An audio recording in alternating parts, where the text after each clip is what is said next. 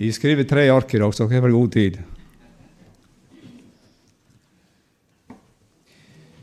Jeg bruker å si det at i min alder så har litt skrevet, men så går ikke det bra.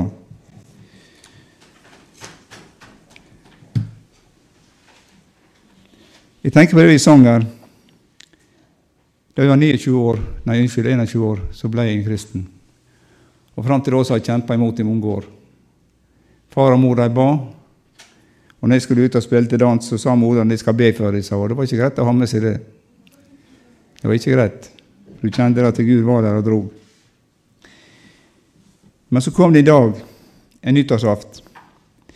Vi fikk lov til å bøye, Jesus, bøye knærne for Jesus og fikk oppleve at han ga en fred i hjertet. Og Jeg kjente der, jeg kjente dagen etterpå at du er en ny skapning. Det kan, det kan ikke forklares. Det bare var der. Helligånd flytta inn, og det ble regjeringsskifte hos meg. Og det er godt å kunne fortelle at det, om jeg ofte har feila og svikta, så har Jesus vært trufast. Hans nåde er ny hver morgen. Og det er fantastisk å vite.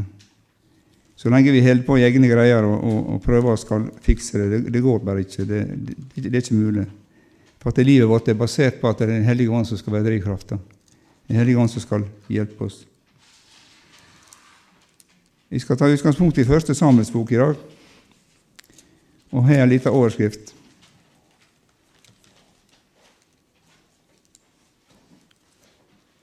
Skal vi se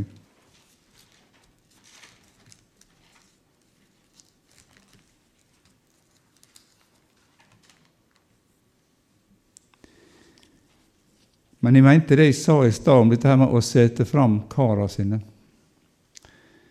For at Hvis du kommer på møte og så tenker du at ja, ja, i går så de ser at jeg er med Det er lite gangbart. Men er du her for å få noe fra Jesus, så er her muligheter. Ikke for at jeg er her. Jeg er et enkelt menneske som ønsker å dele Guds ord. Men når Den hellige ånd er til stede her, og du åpner opp, og du gir sykdommen din, feilene dine, mangla dine og lovprisninga di til Gud, så kommer han inn, og så justerer han og ordner. Og han gjør det på sin måte. Og Guds rike er ikke to og to fire. Sliter du med økonomi, så kan du også legge det i Guds hånd. Og han ordner det på forunderlig måte. Jeg opplever at Gud minner meg om noe nå. Bibelen snakker om dette her med, med tienden. 10 av det vi eier, hører Gud til. Har jeg opplevd Bibelen sier. Og Jeg forundrer på at menigheten har ikke tenkt kollekt, men de gjør det på sin måte. Det er nede ved døra folk gir. Og de har nok, og de har et over. Men eh, jeg tenker på det at eh, det var en tid jeg ikke hadde råd til å gi igjen trodde jeg. Jeg var en kristen. Og jeg la til side penger, men så tenkte jeg det, det må ligge der enn vi trenger det.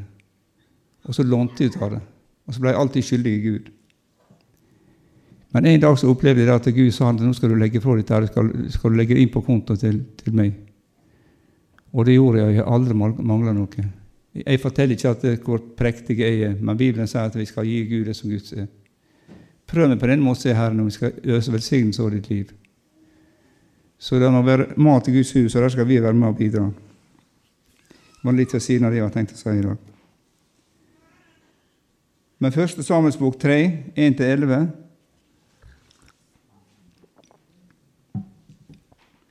Og Det er noen beretninger jeg preika over her før, men jeg skal vektlegge noe annet enn det jeg har gjort, for det var noe som var spesielt her, syns jeg. Fra vers 1.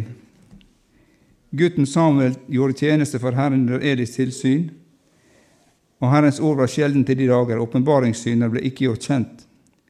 Da skjedde det. En dag Eli lå hos seg selv. Øynene hans var begynt å bli så svake at han ikke kunne se og Guds lampe hadde ennå ikke slukna, men Samuel lå i Herrens tempel, der Guds ark sto. Da ropte Herren på Samuel, og han svarte, Her er jeg. Så sprang han inn til Eli og sa, Her er jeg, du ropte på meg. Men han sa, Jeg ropte ikke, gå tilbake og legg deg igjen. Og han gikk og la seg. Da ropte Herren enda en gang, Samuel. Da sto Samuel opp og gikk inn til Eli og sa, Her er jeg, du ropte på meg. Men han sa, Jeg ropte ikke, min sønn, gå tilbake og legg deg igjen. Samuel kjente ennå ikke Herren, og Herrens ord var ennå ikke åpenbart for ham.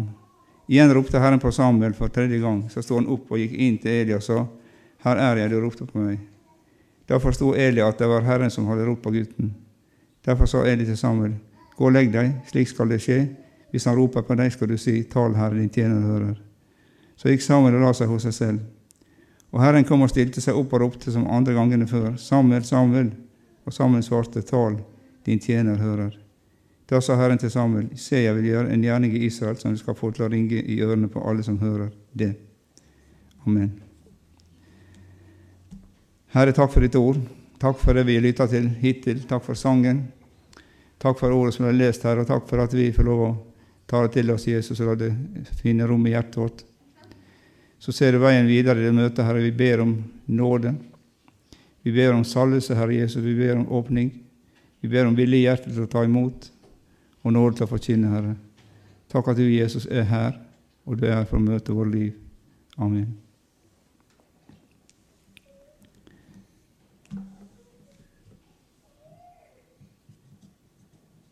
Jeg har satt en overskrift på dette som jeg skal si i dag, og det er forholdet til Guds ord og åpenbaring av ordet.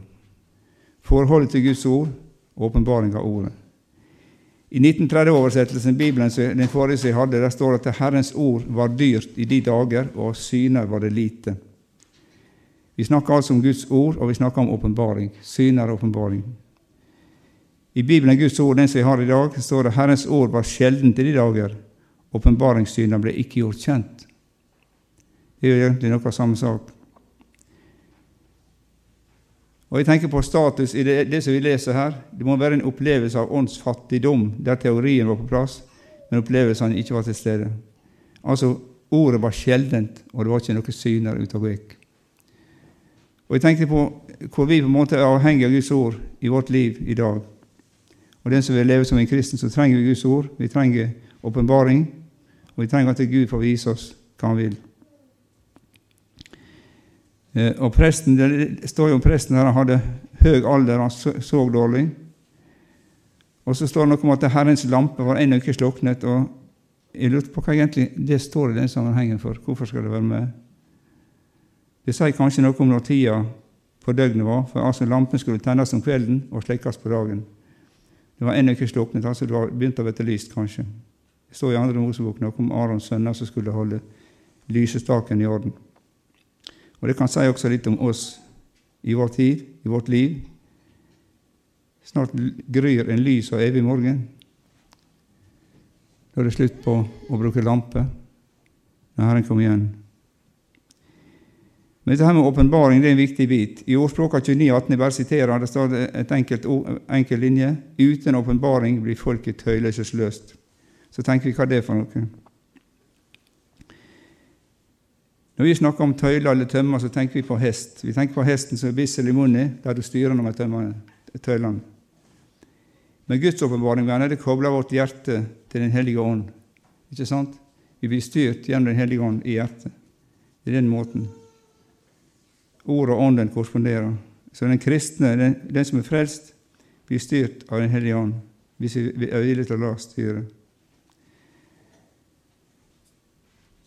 Vi leser litt om åpenbaring også i Det nye testamentet, i Matteus 16. Skal slå opp der.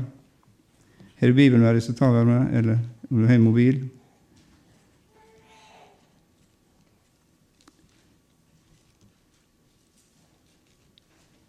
Matteus 16, skal vi se.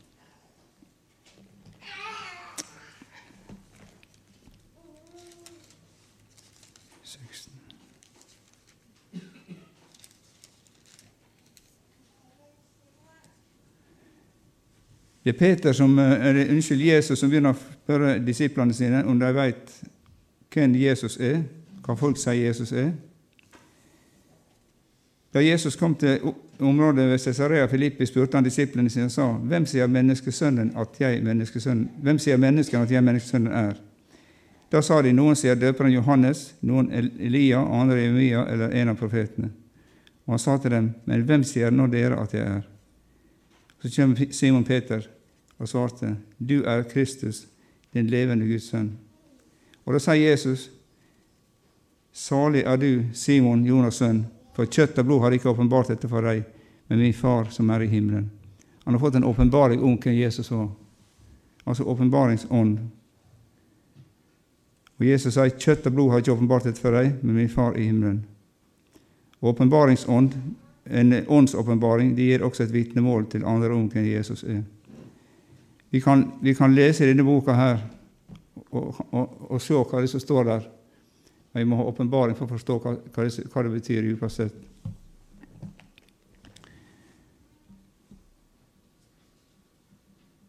I 2. Korinterbrev 3 Vi se hva det står der. Jeg skal bare ta litt om åpenbaring her for å dra det i hop litt. Ja. Andre kor 3.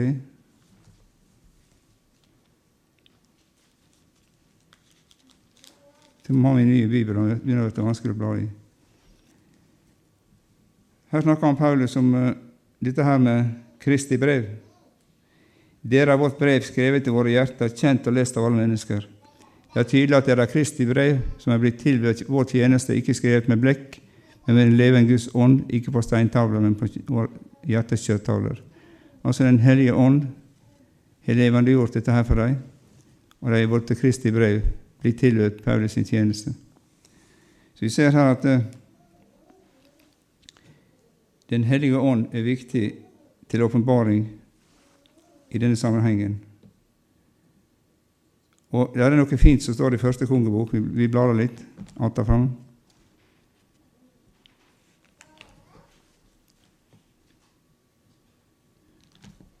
Og Det er et veldig fint vers. Første kongebok åtte.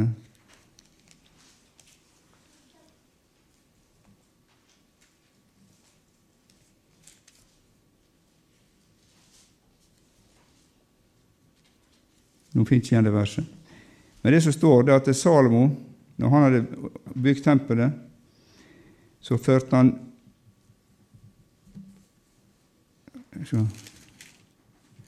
Ja, jeg finner ikke det nå. Her er det. 80, ja, så er det vers 6. Så førte presten Herrens paktsark inn på sin plass, inn i Årets helligdom i huset, inn i det aller helligste, under vingen til kjeruben. Den var ferdig med tempelet. Og tenk på det du som sitter her i dag, som er frelst. Du er et tempel for Den hellige ånd. Man hører ofte at Gud, folk ber og sier 'takk for at du var før vi kom'. Altså Gud bor ikke i hus gjort med hender, sier Bibelen, men Gud bor i våre hjerter ved trua her. Og så står det her, bruker bildet Prestene førte Herrens paktsark inn på sin plass i Årets helligdom i huset, inn i det aller helligste. Altså helligdommen. Vi er et tempel på Den hellige ånd. Årets helligdom. Og Gud har lagt Den hellige ånd i hjertet vårt. Så når vi leser Bibelen, så kjenner vi at det korresponderer. Vi kjenner at ordet blir til mat for oss. Og Jeg syns det var så fint et uttrykket. Paktsarken. Hva er arka i dag? Det står om Noah og den arka de gikk inn i for å berge livet, men arka i dag er Jesus Kristus vår ark er Jesus Kristus. Og den førte dem inn i det aller helligste. Jeg syns det var et veldig fint uttrykk. Under vingen til kjerubene. En plass i husets innerste som er forbeholdt arken. Det er hos oss. Det er forbeholdt arken her inne. Jeg syns det er et fantastisk uttrykk å skrive. Inn i ordets helligdom. Litt tilbake til 1. Samuel 3. Der står at presten var gammel og sliten og så dårlig. Men det var én ting denne gamle karen forsto, og jeg snakker også til deg som er eldre her i dag.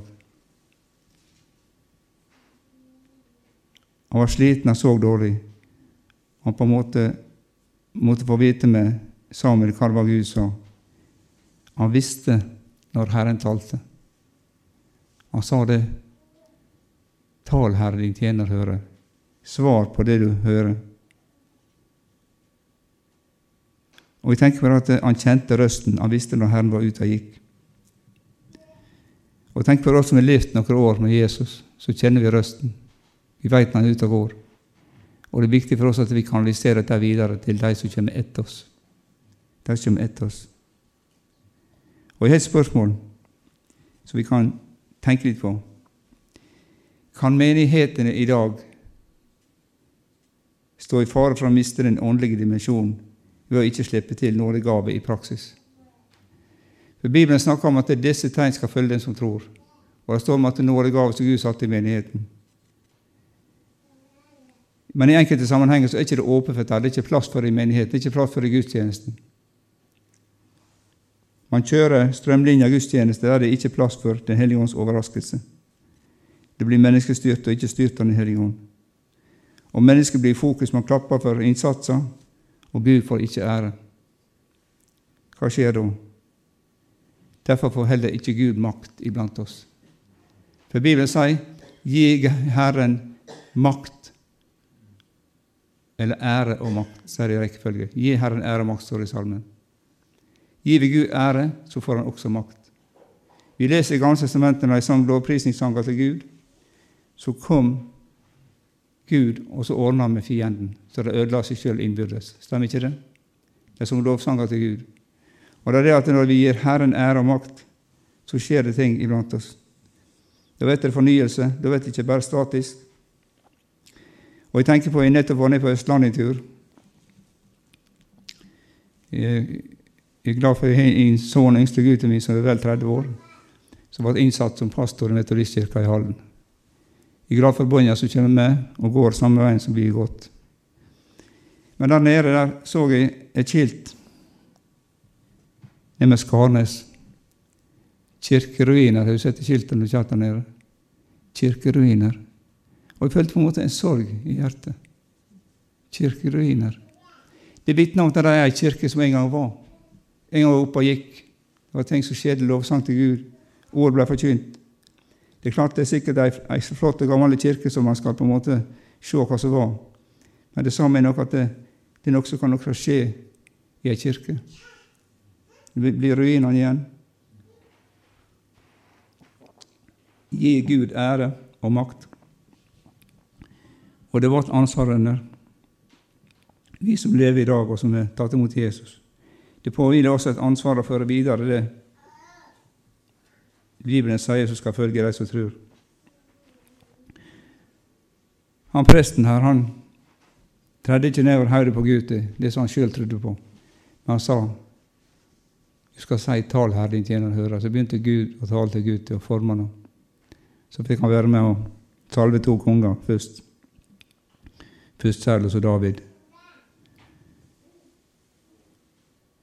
Og Det er ikke for ingenting at Jesus bruker tid med disiplene sine i Johannes 14 og utover, der han forklarer Åndens gjerning, oppgave, hvordan det skal være i menigheten, hvordan det skal virke. Du har sikkert lest det mange ganger. Han forteller hvordan Den hellige ånd skal virke. Det kommer en annen talsmann som han er i ferie, så skal Ånden bli sendt. Og det som skjer på pinsedag. Og så skal han ta ham midt og forkynne dere. Det han hører, skal han, han hører, skal han tale. Hvor det skulle være i menigheten. Men så tenker vi, når vi ser på dette her, disse åndens gaver og oppgavene, så tenker vi at ja, hva med meg? Jeg er bare et enkelt menneske. Og vi er mismodige. Vi sammenligner oss med andre. De er så flinke, osv. Så sånn. Men du, la oss benytte ordet. Min nåde er det nok. Pleier meg å oppnære meg her i dag. Min nåde er det nok. Og det er det som var nok for meg. Jeg sammenligner meg med andre. Jeg syns andre er så gode, flinke. Vet du, mismodige. Og så kommer Gud og sier han, min nåde er det nok. Min kraft er fullendt til skrøpelighet. Vi får lov å gå i den tjeneste som Gud har gitt oss og støtt oss i. i tjene andre sin sammenheng. Hør her. I Jesaja 57 står det I det høye og hellige bor jeg, og hos den som har en sønderknust og ydmyk ånd, for å gjøre de sønderknustes hjerte levende. Vi skal få lov å skue Han og Hans nåde der vi er. Var Sakkeus når han steg opp i treet og skulle se Jesus, og sa Jesus, 'Stig ned, Sakkeus. Vi skal møte der du er. I dag skal være ditt hus.' Han fikk lov å stige ned og møte Jesus der, og han, Jesus gikk inn til ham.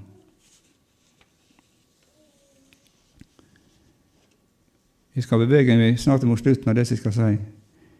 Men her er en, en mann som heter Jeremia,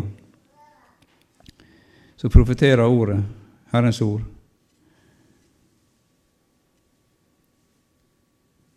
Og lederen til kongen, de vil ikke høre på dette her. Og de får kongen til å gjøre imot det som Jeremia sier. Og så blir Jeremia kasta i brønnen. Jeremia 38, vi skal lese litt der.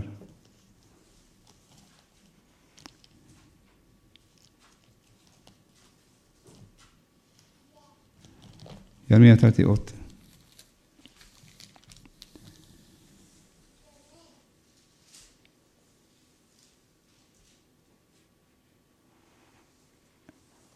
Kongen får beskjed om at Jeremia er kastet i brønnen. De, de er beleira, og, og profeten han kommer med budskapet fra Gud. Gjør sånn og sånn. Det er min vilje dere skal gjøre. Men de var ikke villige til å overgi seg, og de fikk kongen til å, å gå imot Jeremia.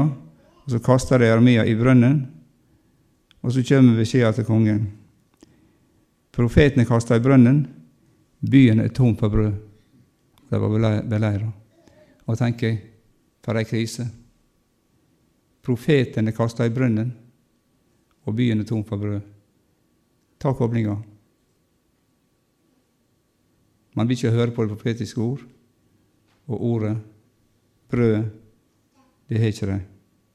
Hva igjen da? Det er igjen ingenting. Det er igjen kjøtt. Og så kommer tjeneren Evin Melek til kongens hus og talte til kongen og sa:" Min herre konge, disse mennene har handla ondt med alt de har gjort med profeten Jeremia. Han som de har kastet i brønnen. Han kommer til å dø av sult der han er nå. Det er ikke mer brød i staden. Da befalte kongen Eben Melik og sa:" Ta 30 mann herfra under din myndighet, og dra så profeten Jeremia opp av brønnen før han dør. Nå skal du høre, du som er eldre her, og du, du yngre også. Så tok Eber-Melek mennene under sin myndighet og gikk inn i kongens hus, ned under skattkammeret, og tok noen utslitte klær og filler derfra og firte dem ned sammen med tauen til Jeremia i brønnen. Det var noen utslitne filler som var i kongens skattkammer. De lå under skattkammeret. De var ikke kasta, de lå der. Og når profeten skulle opp fra brønnen, så var de brukt til å legge rundt repa. Så jeg tenker at det, Kjenner du deg som ei utslita fille, så kan Gud bruke deg. Gud kan bruke deg til å være med og dra profeten opp fra bokstavelig talt. Vi trenger å ta i bruk og ta inn igjen det som Gud har gitt oss. Nedsalta kapital som ligger der, som du aldri har brukt på lange tid. Det har gitt av nådegave. Det Gud har gitt av tunge og tydning. Det Gud har gitt av profetisk tale. Det Gud har gitt av nådegave til å hjelpe. Alt dette her ligger i menigheten. Er vi villige til å ta det fram og bruke det? Få profeten opp ifra brønnen. Tar du bildet? Jeg er ikke så mye, sier du. Jeg kan ikke gjøre så mye. Du kan være med og be til Gud. Be for menigheten, be for de ledende, be for ungdommen, be for barna. At Gud får lov til å komme fram på nytt i vårt liv. Ta med deg 30 mannsand sa og få profeten opp. Og så står det profeten ble dratt opp, og så ble han sittende i vaktgården i vaktgården. Vi trenger det profetiske venner. Vi trenger at det profetiske får lov å komme fram i møtene våre og i sammenhengene. Om du føler deg som en slik fille, så du, er du i godt lag. Og hør nå, du, han var plassert skatt, under skattkammeret. Du er Herrens skatt. Du er Herrens skatt. Ikke fordi du gjør, men fordi du er. Ikke fordi du gjør, men fordi du er. Se, i begge mine hender har jeg tegnet ei store. Dine murer står alltid for meg. Jeg tenker på de som har gått foran. Han eldre broderen her, hvor gammel er han nå? 94? Du slår far min med to år, han er 92. Vi hadde nettopp eh, åpning av nytt menighetslokale i Ulsteinvik, han måtte opp gjennom Han nede på, på Magnor. Jeg var nede og henta ham. Så jeg fikk være med på det første og det andre hus. Og det var stort for han. Fikk sitte framme og velsigne menigheten. Da vi gir akt på de eldre og utgangen av deres ferd, og etterfølger deres tro. De har gitt oss det som vi bygger videre med. Og la vi sjøl være slike som kan gå inn i alderdommen og vise andre veien. Dette er veien, å vandre på den. Venner, vi leker ikke møte. Vi leker ikke Guds kristendom. Det rammer alvor. Det handler om evighet av år. Og la vi være med og samle til himmelen. Og la vi være med å investere i den himmelske bank, slik at det er mat i Guds hus til å drive det arbeidet som Gud har vist oss at vi skal gjøre.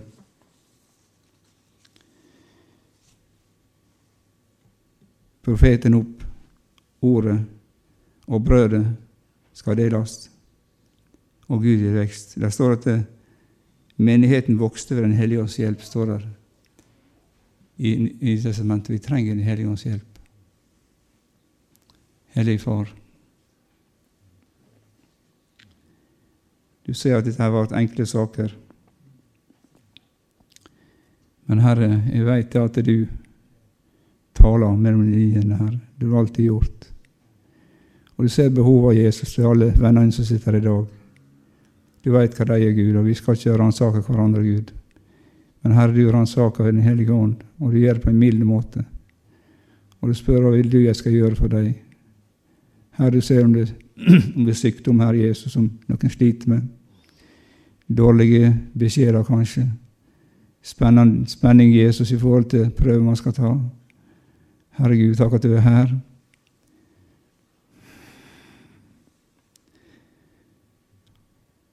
Og du sier til Jesus, jeg skal ingenlunde slippe deg, ingenlunde forlate deg. Du er nær den enkelte nå, Herre, og du taler fred i din situasjon. Den enkelte får lov å kjenne din varme, din inspirasjon, din glede, trygghet, fri fra angst. Herre Gud, din helbredende makt er til stede i dette møtet. Herre Far, takk at du gjør en gjerning. Herre, vi går ut herifra i trygghet, Jesus, for at du er til stede. Herre, jeg ber at du skal velsigne menigheten, Gud, av ledende farer. Det er så forskjellige oppgaver, Herre. Velsign barnearbeidet, Gud, som er så viktig, ungdomsarbeid. Takk at du skal gi nytt mot, Herre Gud, framfor en ny høst. Styrka kraft, Herre Jesus. Glede i Herren skal være deres styrke. Takk, Jesus, at du hører bønnene våre. Takk at du har vært med sammen med oss, Herre. Amen.